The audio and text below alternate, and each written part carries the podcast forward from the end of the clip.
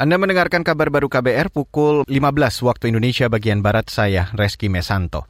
Saudara realisasi anggaran pemulihan ekonomi nasional atau PN hingga September kemarin telah mencapai 50-an persen. Hal itu disampaikan Menko Perekonomian Erlangga Tarto dalam Forum Dialog Economic Outlook 2023 hari ini. Pemerintah terus mendorong agar kebijakan yang dilakukan, terutama program pemulihan ekonomi nasional ini dilihat dari realisasi daripada anggaran PEN yang dialokasikan 455,6 triliun ini sudah dicapai sebesar 50,3 persen atau 229,17 triliun di September 2022. Menko Perekonomian Erlangga Tarto menambahkan realisasi PN bidang kesehatan mencapai 32 persen atau hampir 40 triliun rupiah dari total pagu 120-an triliun rupiah.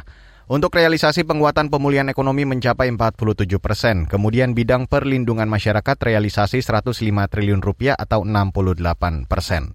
Beralih ke berita selanjutnya, Saudara. Tim kuasa hukum Verdi Sambo menilai dakwaan jaksa penuntut umum sangat keliru. Hal itu disampaikan penasihat hukum Sambo Sarmauli Simangunsong saat membacakan eksepsi atau nota keberatan dalam sidang perdana yang digelar di Pengadilan Negeri Jakarta Selatan hari ini.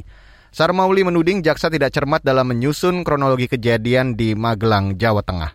Surat dakwaan tidak menguraikan rangkaian peristiwa yang terjadi di rumah Magelang.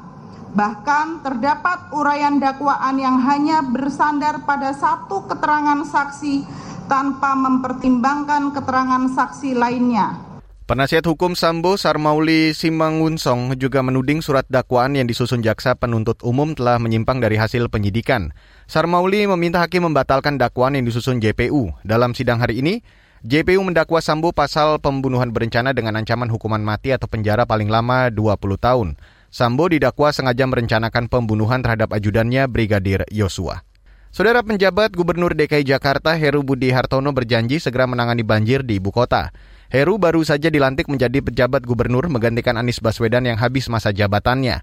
Di hari pertama kerja, Heru memastikan akan fokus berkoordinasi dengan pemerintah pusat guna mengatasi banjir.